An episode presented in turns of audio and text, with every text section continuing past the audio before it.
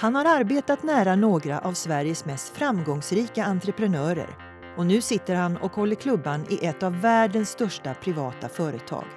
Men hans karaktär och ledarskap formades långt bort från de klassiska chefsskolorna. Du lyssnar på Hjärntillskott med Lydia.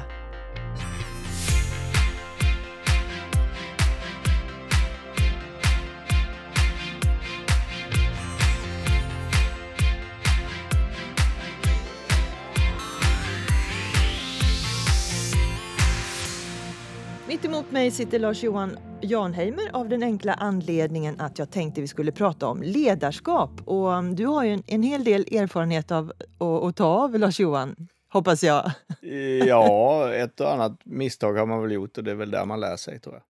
Du, och så är du smålänning, vilket jag tycker är en kanonfin egenskap. Är du en typisk smålänning? Ja, jag, jag, jag tror det, men det finns väl kanske inom andra delar av landet också då. Men eh, senast idag på morgonen så diskuterade jag med min fru över min mellangrabbs månadspeng där jag blev betraktad som både smålänning och gnällig gubbe och eh, min pengauppfattning var eh, från 1960.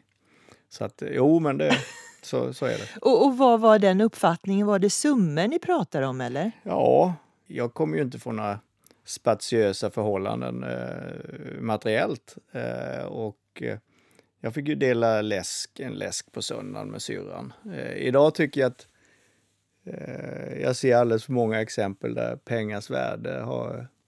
Jag tycker man tar för lätt på det. Och eh, jag brukar säga att eh, bland det farligaste som finns för bolag, det är faktiskt när man får för mycket pengar. Man vrider inte och vänder på det. Och det tror jag kan vara bra som ung att lära sig också. Så din son har lite för mycket att röra sig med, tycker du själv? Nej, det var ju att min fru tyckte att han hade för lite att röra sig med och ville då höja det här. Det var det där diskussionen var. Ja. Enades ni till slut? Nej. Nej.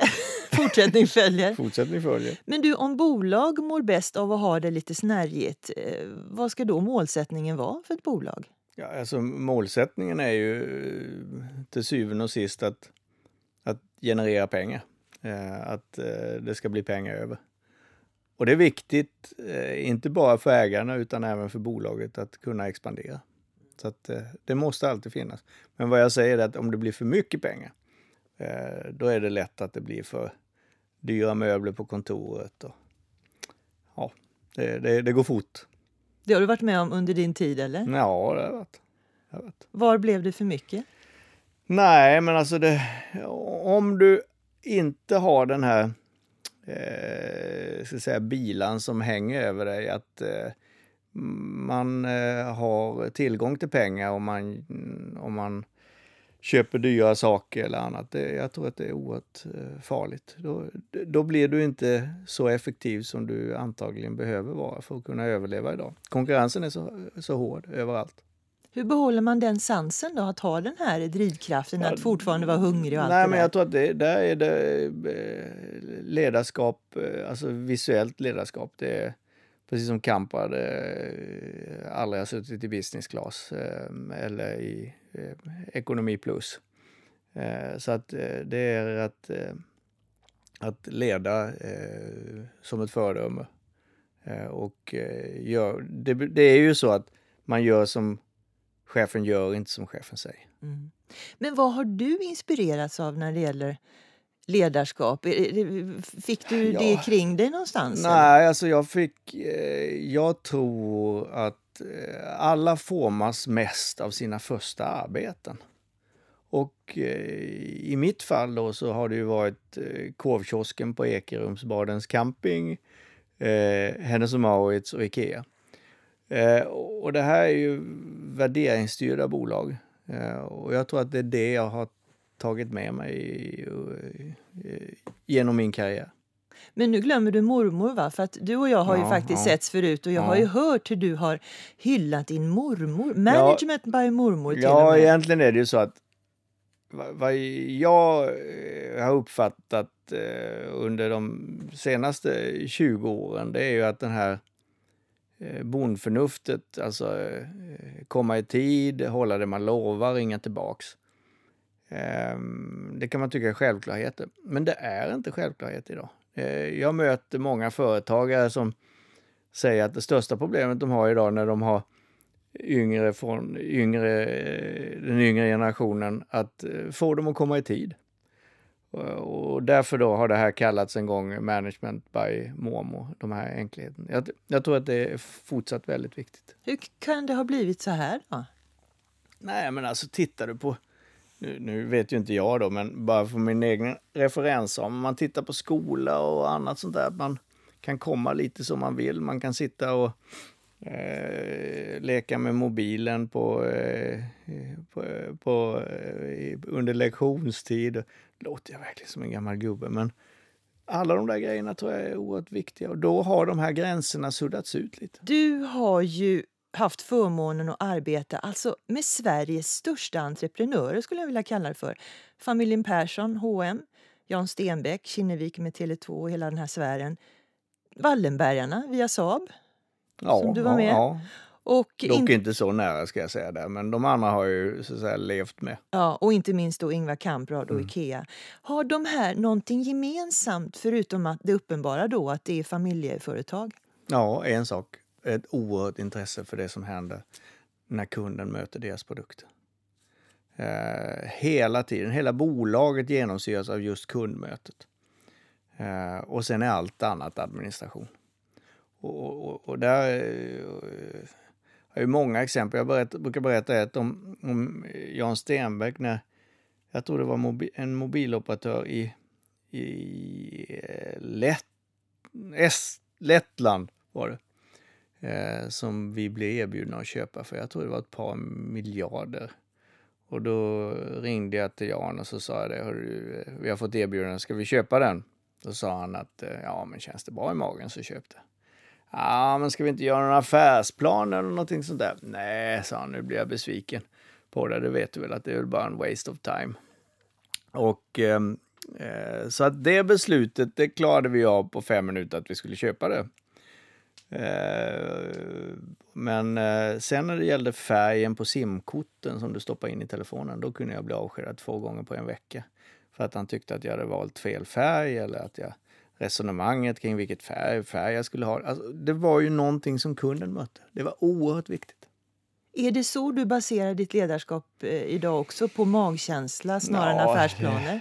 Det är väl, när det går åt pipan skulle många säga det är väl för mycket magkänsla. Men eh, nej, men alltså vad jag, vad, jag, vad jag försöker och det jag tror på det är att desto mer management kan vara, desto närmare management är kunden desto större förutsättningar har man att, att lyckas. Mm. Och det där blir, alltså när, stor, när bolag blir stora, som om du tar Ikea då till exempel, som är ett jättebolag, eh, eh, i alla fall i, i förhållande till omsättning och, och, eh, och, och eh, Renommé inte minst. Ja, eh, så, så, så ser jag ju hela tiden hur management försöker att få anställda på, eh, på eh, de huvudkontor som finns eller de centrala funktioner som finns att vara ute och möta kund så ofta som möjligt. Mm. Och det är lätt att det där försvinner när bolag blir stora. Och där är där jag tror att man oftast går fel. Du har ju varit in och ut eh, inom Ikea. Dels i unga år får man säga, ja du är inte så gammal nu heller, men när du jobbade tack, på Pippi Långstrump-avdelningen ja. på Ikea i Köln och sådana ja. där saker. Du, du hade ju med Ikea att göra ja, redan var ju, då. Ja, jag hade ju någon slags eh, shortlist eh, när jag eh, hade pluggat färdigt. Då var det tre företag som jag var intresserad av. Det var Hennes Mauritz, Ikea och SAS faktiskt. Det var under den här Janne Carlsson-affären. Idag, eller under hans ledarskap. Eh, och idag har jag faktiskt arbetat med alla tre då. Eh, men eh, ja, Ikea kom ju in där som trainee då och arbetade i Köln och sen så skulle jag tillbaks då, men eh, då snubblade jag och, och på Hennes Mauritz och sen har jag då suttit i styrelsen för Inka Holding som det heter, som är varuhus eh, varuhusdelen eh, så har jag suttit där i 13 år och varit ordförande i tre. Då. Mm.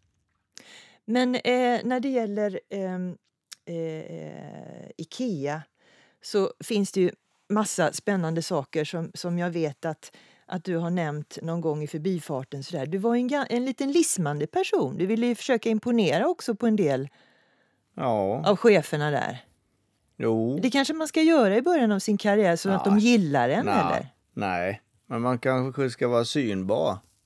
Eh, och jag vet ju de där historierna som du säkert tänker på. Jag vet ju, en legendarisk eh, inköpschef som hette Max Felixson och, och även Erling där jag satt och berättade och tyckte att det var vansinne att de hade huvudkontoret mitt inne i stan.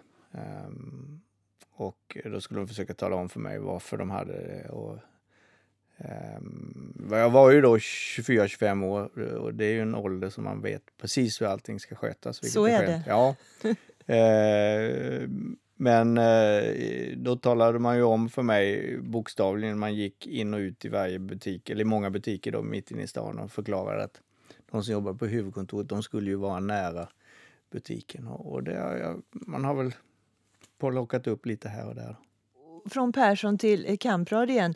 Är det en myt eller är det så att smålänningar anställer småningar, smålänningar? Att ni är en liten sekt?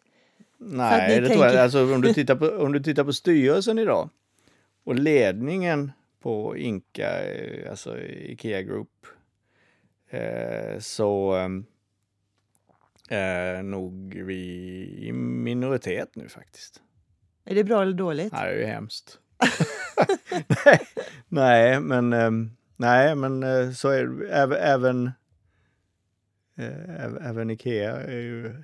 Alltså vi plock, men det, det- för oss, är, även om vi skojar om smålänningar, för oss är det viktigt att vi har liksom representanter från alla världsdelar. Och, eh, så vi försöker mixa så mycket som möjligt. Jo, men det- det, det talades om nu när Kamprad gick bort att, och du uttalade också i media att eh, själen har vi försäkrat om att den är kvar, Mm, mm, Ikeas mm. själ. Vad är det då? Ja, men det är väl den här sparsamheten och eh, intresset för att vara nära kund och inte eh, spela för mycket Allan utan eh, vara ja, var den du är. Inte spela för mycket Allan, vilket bra uttryck. Eh, Vad jag vill komma till är de här gemensamma dragen för smålänningar som du Mm. faktiskt etablerade ganska tidigt när du var chef för Comvik och gjorde reklamstjärnerollen Ja, okej. själv. Var det av fåfänga eller för att du var för snål för att betala Nej. ut arvode till någon annan? Nej, det var faktiskt... Jag hade ju då varit på Hennes och Mauritz och varit del i och gjort eh, det här eh, Galne Gunnar. Eh, vilket i själva verket var en televerksarbetare från Bromma. Och sen så kom jag ju då till eh, Comvik Tele2 där vi hade en lanseringskampanj färdig och Jan Stenbeck sa att Nej men sa han, du representerar ju små, som, du är ju smålänning och eh, vi ska försöka personifiera bolaget. För att Telia var ju väldigt anonymt. Det var ingen som visste vem som var Telias chef. Så vi skulle göra allting annorlunda. Och då så sa jag, och jag var väldigt, ja det är väl inte, det, det, det, det tror jag väl inte är så bra. Då sa jag, nu testar vi. Nu kör ni de filmerna som vi har gjort och sen så gör vi en med dig. Så får vi se. Återigen, kunden får avgöra vilken, vilken som är bäst. Och det visade sig att uppmärksamhetsvärdet på de filmerna där jag var med i var 40 procent högre då. Så the rest is, is history. Verkas men inte synas gällde Ja. liksom inte på den tiden. inte, nej. Entreprenörskap, är det någonting du själv har lockats av? Du har ju faktiskt rapporterat till chefer eh, större delen av Ja. ditt liv. Jag är nog ingen entreprenör, det tror jag inte. Jag tycker det blir pannkaka de flesta gånger jag försöker göra någonting själv. eh, men eh, jag är nog... Alltså...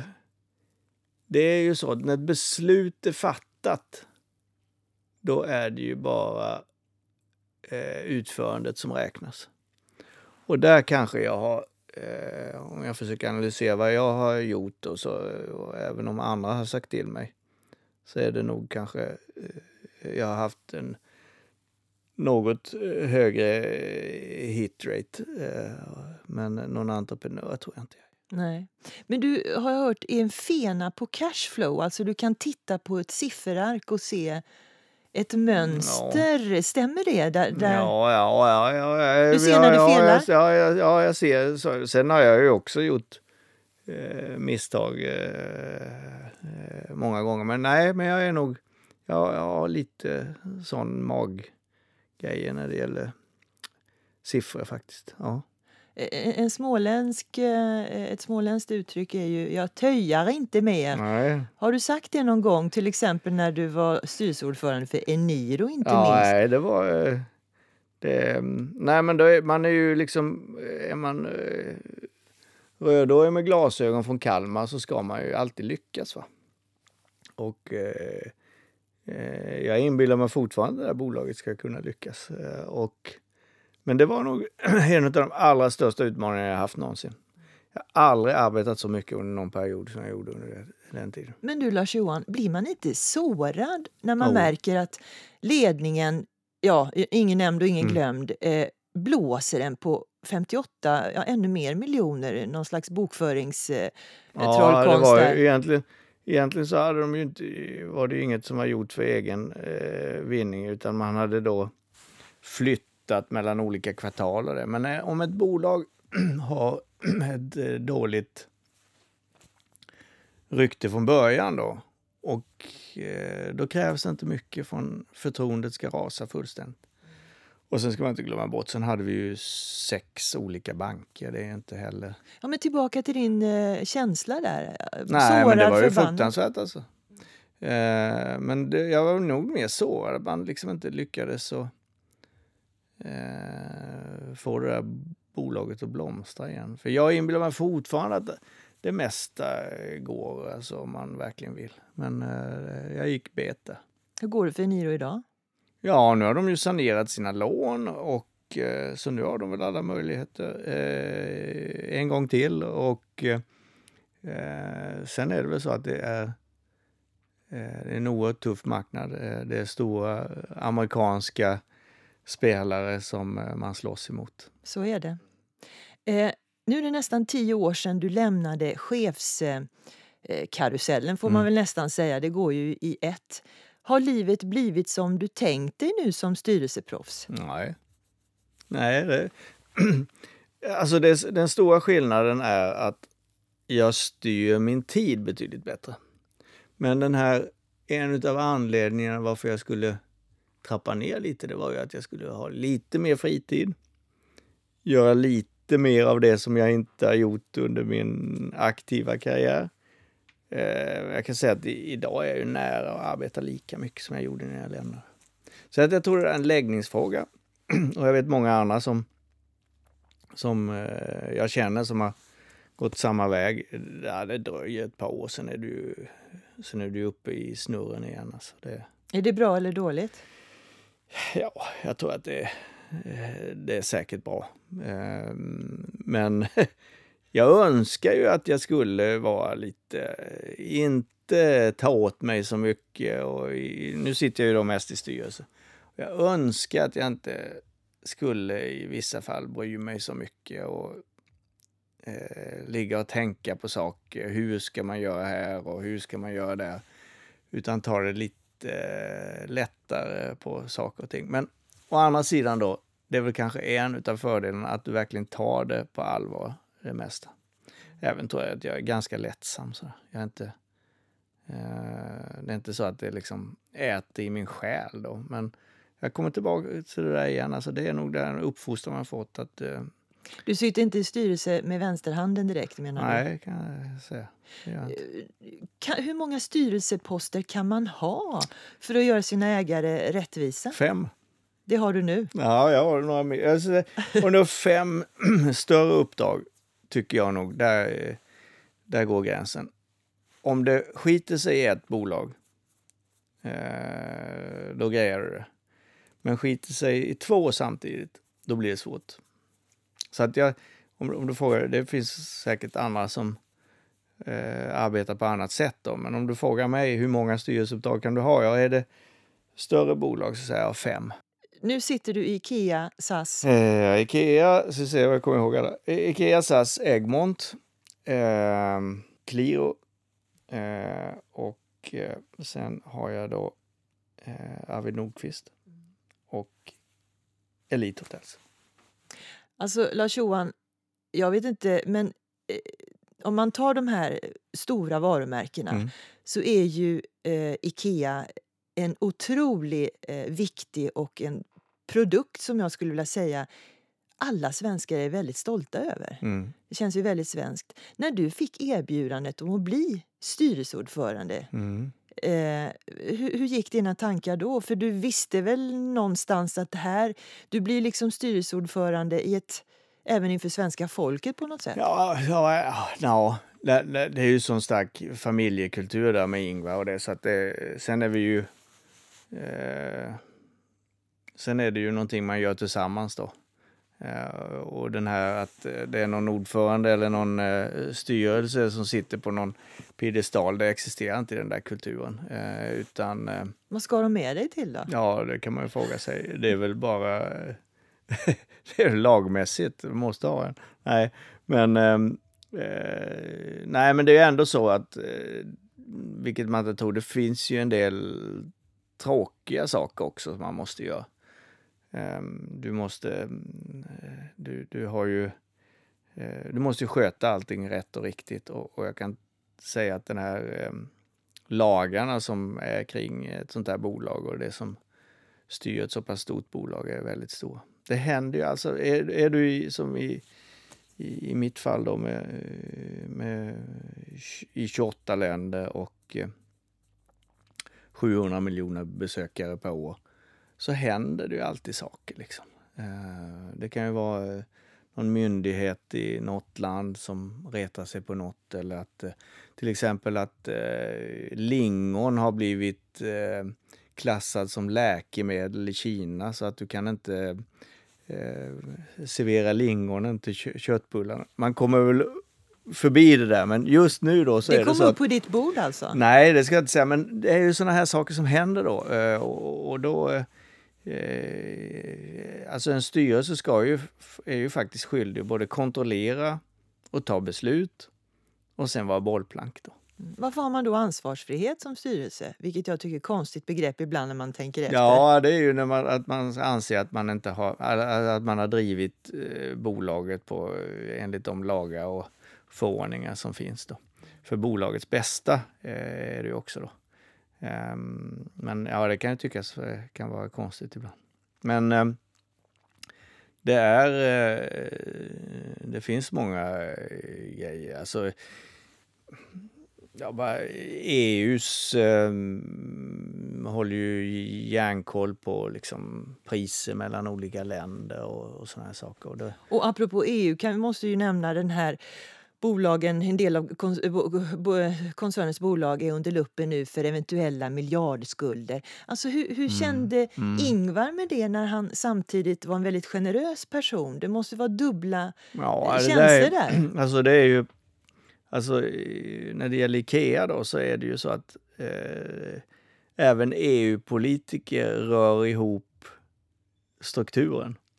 Så att det är många gånger vi får brev till Inka som inte rör oss överhuvudtaget. Och då kan man tycka så här, man, borde man inte ha kunnat läsa på lite bättre? Men, eh, men det är alltid, alltså det är ett stort bolag, man har luppen på sig och vi gör ju allting för vi ska göra det rätt och riktigt. Eh, Men som sagt var, ibland eh, har man inte hela bilden.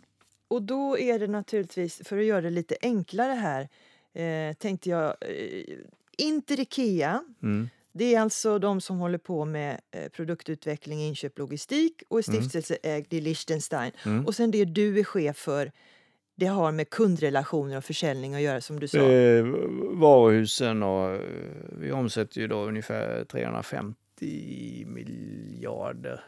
Ja. Så att, eh, ja. Och sen alla, alla vi äger ju även vad det är, runt 50 stycken eh, shoppingcenter runt om. Rapporterade du till Ingvar eller hur funkar det? Ja, nej, ja, alltså Ingvar var ju med i styrelsen och eh, till Ingvar behöver ingen rapportera utan han hade ju bättre koll än någon annan på allting. Så att ehm, eh, det, det, det var relativt eh, informellt skulle jag säga. Men återigen, alltså styrelsen har ett oerhört ansvar eh, mot myndigheter och annat. Så att eh, just det ansvaret, förutom ansvaret mot kunden då, så är det ju ett stort ansvar eh, att göra allting rätt och riktigt. Men som en sådan historisk entreprenör som ändå Ingvar Kamprad får sälja, äh, sä, sägas äh, kallas faktiskt. Hade han koll på andra entreprenörer? svenska Skype... No, Klarna och alla de här som... No, det skulle, jag vet ju då när han var, när han var mer aktiv. Han hade ju koll på Birgersson och de här. Så att han var, han var ju väldigt nyfiken. Va? Så att det skulle inte förvåna mig om han hade koll på de här eh, nya entreprenörerna, om man får säga det. Eh, för det fanns en väldig nyfikenhet på allting nytt. Alltså även eh, som, som 90-åring så var han oerhört nyfiken och stora öron och lyssnade väldigt. Hur ofta måste du resa som eh, ordförande i, i koncernen? Ja, vi försöker ha styrelsemöte, några styrelsemöten per år ute i verksamheten och, och det som tar tid då är ju att eh, om man är från Kina till eh, Kanada, om jag nu, eller jag kan säga från Australien till Kanada. Det är klart att avstånden har en viss betydelse då. Eh, så att eh, nu, nu varför jag drar på det, det är för jag tänker efter så här. Jag tycker så mycket är det väl inte. Men eh, det, det, blir nog, det blir nog eh, en del i alla fall. Och vad jag säger, en del, ja. Ja, vad kan det vara? En månad eller sex, fem, sex veckor kanske. Är nog. I resande position så att säga. Mm, mm. Så är det. Varför har man stiftelser? Ja, alltså det, syftet med stiftelsen är ju egentligen att, ehm, eh, jag tror från, från Ingvars sida, det är ju att eh, det ska leva kvar, bolaget, så, så, så länge eh, som möjligt. Och när han pratade om långsiktigt, när vi pratade om hur, tänk, hur ska vi tänka här, ni måste tänka långsiktigt. Tänk på 200-300 år, sa han. Ehm, det är ju ingen som gör det idag, förutom Nej, han. Men, eh, eh, och, ehm, så att, ehm, Vänta nu, 200-300 år? Ja, men han skojade väl lite också. Men, eh, men när vi annars pratar om långsiktighet så pratar man 10, 20, 30. Men det är bara ett tecken på vilken horisont han hade. Men, och, och, och det är ju då att alltså, det är många som säkert kan tolka Ingvar bättre än vad jag kan. Men jag ska säga att alltså för honom är det så viktigt att hjälpa alla människor till en bättre vardag. Eh, och jag tror inte vi kan förstå hur mycket det eh, drev honom. Och det har resulterat då i sin tur i, i stiftelse. Och det är ju faktiskt så att familjen får ju inte ens ha majoritet i, i, i ägarstiftelsen. Och stiftelser har ju oftast ett, precis som du säger, högre syfte också förutom mm. att mm. behålla ett bolag. Mm. Men det knepiga med stiftelser är att har man en gång sagt vad den är till för då mm. går det ju inte att ändra Nej. den. Det Nej. finns ju fortfarande stiftelser som betalar ut till barn, fattiga barn eh, som mm. har dålig skolmat. Ja, men det, alltså det, är, ehm, det är rätt som du säger och det är en av anledningarna för att eh, huvudkontoret och, eh, och stiftelsen är i Holland idag. För enligt Ingvar så är det de mest rigida ehm, eh, reglerna kring eh, stiftelse just i Holland. Och det är inte det media direkt sprider, att det var det som var anledningen? Nej, men eh, så är det. Det får vi leva med. Märkte du att du sa Ingvar är? Ja, det är möjligt. Ja. Jo, men han är ju väldigt... Han, han är ju fortfarande så att säga med, eh, känner jag ju liksom hela tiden. Eh. Och det är ju ett av uppdragen som jag känner i alla fall, det är ju att hans ehm, eh, att hans livsverk ska få leva kvar. Då. Min mamma som kommer från en annan kultur hon säger att det är viktigt vad som händer precis efter när en människa går bort. Till exempel vad man drömmer om. Mm. Drömde du om Ingvar någonting när han gick bort? Ja, ja men det kan jag nog göra. Men där, Ehm, en annan eh, av de här gubbarna då, eh, Jan Stenbeck, ring, eh, som av alla de här, så, mm, jag pratade med honom varje dag i tio års tid. Och där drömmer jag ju fortfarande liksom att han har fejkat sin död och han kommer tillbaks och han går igenom alla, allt man har gjort i de där åren när, när han har varit borta och det här har du gjort fel och hur kunde du tänka så? Där, där vet jag att han kommer tillbaks eh, ofta. Är det någon av de här gubbarna som har gett dig råd i drömmen då? Nej, inte vad jag kommer ihåg. Man kommer ju inte ihåg sånt där. Man kommer bara ihåg att det hände saker. Du, jag tänkte... Jag ska se här vad du får för associationer när jag säger saker och ting här. Eh, Peter Kamprad och billiga torkarblad. Ja, jo, det är ju en historia. Ska jag berätta den? Gärna. Ja, nej. Så får vi se om den är sann, det jag har hört. Ja, nej, men alltså det var ju så att jag hade ju eh, Peter då, som är äldsta sonen, som min assistent när jag jobbade på Hennes och Mauritz. Och ehm, vi körde bil Vänta ner... nu, så en Kamprad-son var din assistent Ja, när ni var precis. på Hennes och Mauritz? Ja. Mm. Och eh, det var så vi träffades första gången. Eh, och, eh, då, och jag vet, jag hade ju till och med en tjänstebil, så jag hade en Audi och vi skulle åka till någon eh, butiksöppning nere i Jönköping. Och det regnade som tusan och mina vindruttorkarblad, heter det väl, var helt slut. Jag tänkte, jag, jag kan ju liksom inte äventyra säkerheten för, för eh, eh, både mig själv och, och, och för Peter. Så jag stannade ju där och sen så skulle jag köpa nya till Audin. Och då kostade de där, det här är många år sedan, två gummibitar 358 kronor. Det där, även om jag hade tjänstebil så var det där för mycket pengar. Men så sålde de till Volvo två blad för 79 kronor. Hoppsan. Ja, så, så sa jag till han i, bakom disken, kan jag inte få låna en tång så här så se om jag får dit dem. Och jag fick ju dit dem där mycket riktigt. Och Peter satt ju jämte mig då och jag, eh, var ju oerhört stolt och tänkte ju för mig att eh, nu kommer han säkert berätta för sin pappa att vi har träffat vår överman när det gäller snålhet. Så att eh, nu... Eh, eh, det, jag funderade och tänkte, han, jag undrar om han kommer ringa nu ikväll och berätta detta. Men när vi hade åkt en bit så sa Peter att Hörru du Lars-Johan, sa han, det märks att du är smålänning. Men när jag bytte, bytte jag bara på förarsidan. Så att det säger väl lite om att även sönerna har fått ett, ett, ett drag av sin pappa där. Du, eh, då stämmer ju hela den här beskrivningen av smålänningar faktiskt. Ja, alltså, jag gjorde ju faktiskt, tro det eller ej, eh, jag skrev min uppsats när jag pluggade om är smålänningar mer innovativa än andra? Okej. Som, och- som dröjde jättelänge innan jag fick godkänt för man tyckte att det var, fanns ingen höjd i den här hypotesen. Eh, men det visade sig då, om man, eh, i alla fall det, det, det vi kom fram på när vi skrev, det var ju att så eh, det finns väl återigen må, många delar av Sverige som hade haft det knackigt då, men eh, smålänningarna med sina stenar i åkrarna och oftast eh, inne i Småland, du hade en kärle i jorden som gick ut eh, midsommar och kom tillbaks i, i början av november, så var det ju väldigt eh, skalt då med både mat och annat.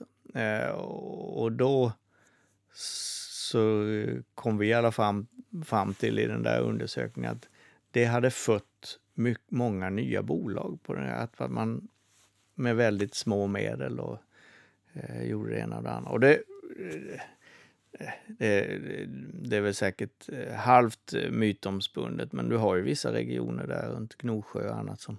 Ja, och alla som emigrerade Ja. till USA Ja, inte minst. Ja. Karl-Oskar och gänget. Men jag tror var, varje region har väl sina eh, fördelar. Säkert, men nu är det du som är här och är smålänning. Nu är det jag som är smålänning. Sista frågan som Mm. är, kan vara lite kuggfråga faktiskt. Eh, men den blir ju som en, eh, ett referat kring det vi har pratat. Eh, är det okej med vita lögner? Ja, det är det. Mm, ja. ja, jo, men det kan vara okej någon gång. Ja. När då? Nej, men det kan det kan det väl vara, ja. Den är inte lätt hörru. Nej, nej, men det, nej, men det är väl säkert. Jo, men så är det nog. Det kan det vara. Eh, jag vet inte om du ska komma in på något bilval eller någonting sånt där. Men eh, nej, men... Eh, Jo, vi kan komma in på bilval, men, men, men om vi bara reder ut det här. Vita lögner som ledare är okej menar du i vissa avseenden. För, för varför då? Nej. Eh, nej men alltså det här, alltså det, du har säkert någonting på mig då men eh, eh, nej men jag tror att, alltså det, då kommer vi tillbaka till det här med mormor igen, det är ju aldrig bra då. Eh, utan du ska ju eh, vara så hederlig som möjligt. Men i, i, i vissa fall så måste, alltså är du ett noterat bolag så är kraven än större på vilken information du ger. Och där det ibland kan vara svårt att svara rakt på frågan. Eh, men det är ju en sak att inte svara, men att svara nej, så att det blir ibland, en vit lögn, det ja, är en annan nej, sak. Det, det, det, kan ju vara många gånger du får frågan som är helt uppenbar där du inte kan svara riktigt för att du har ett informations, eh, en informationsskyldighet mot börsen eller annat. Och då mm. Kan det vara knivigt kan säga. Mm. Då ska man ju inte hålla på med lögner, då ska man väl hålla tyst? Ja, det ska man göra. Men eh, det är ibland som du kan varken svara ja eller nej. Så är det. Jag har ingenting på dig Lars-Johan. Jag, jag, tycker vi ska ha trevligt här. Ja, tack så. Eh, men Porsche? Ja, ja, ja. men det är ju, det är ju mina, nu kommer du in på de här känsliga. Jag har ju en sak som jag och det ska jag inte skämmas för, men jag har ju haft ett oerhört intresse av bilar då sen jag var eh, ung och eh, då har ju Porsche varit det här. Eh, jag, bodde här... Ju, jag bodde ju på Ja, så det är ju... Det, det, är ju, det här fattar inte jag. Nej. Porsche och snålhet. Nej. Det liksom rimmar Nej, inte men riktigt. Det är ett oerhört bilintresse och det var väl någon dröm när man var mindre där. Att, eh, och jag vet, jag köpte min första, då bodde jag ju på ett lager i Sundbyberg för jag skulle ha råd med den här bilen. Och då tycker jag ändå så att nu är jag så gammal så att eh, då, eh, och då har jag ju faktiskt de ekonomiska möjligheterna. Så tänkte jag, men jag måste ju växt ur det där. Men så får jag alltid återfall vartannat år. I form av? Vad händer då? Ja, då kommer det någon sån här liten bil och sen tycker jag, men fan nu ska jag inte köra omkring som gammal gubbe. Eh, och sen så är det så skönt så jag har gjort mig av med det. Sen så dröjer det två år så får jag återfall. Det är det som är din last nu alltså? Ja, det är väl eh, det som jag blir lite röd i ansiktet när folk tar upp det, för det stämmer ju inte riktigt med mig. Men vi ska ju alla ha våra små fläckar. Och det är en, jag har säkert många, men det är en. Eh, det kanske inte är fläckar, men det riktigt lustiga här är att eh, vi har ju båda randiga strumpor på mm. oss idag. Och jag vet inte om det är karaktärsbeskrivande, men något positivt tror jag att det är. Ja, kanske. Tack Lars-Johan för att du kom hit. Tack så mycket.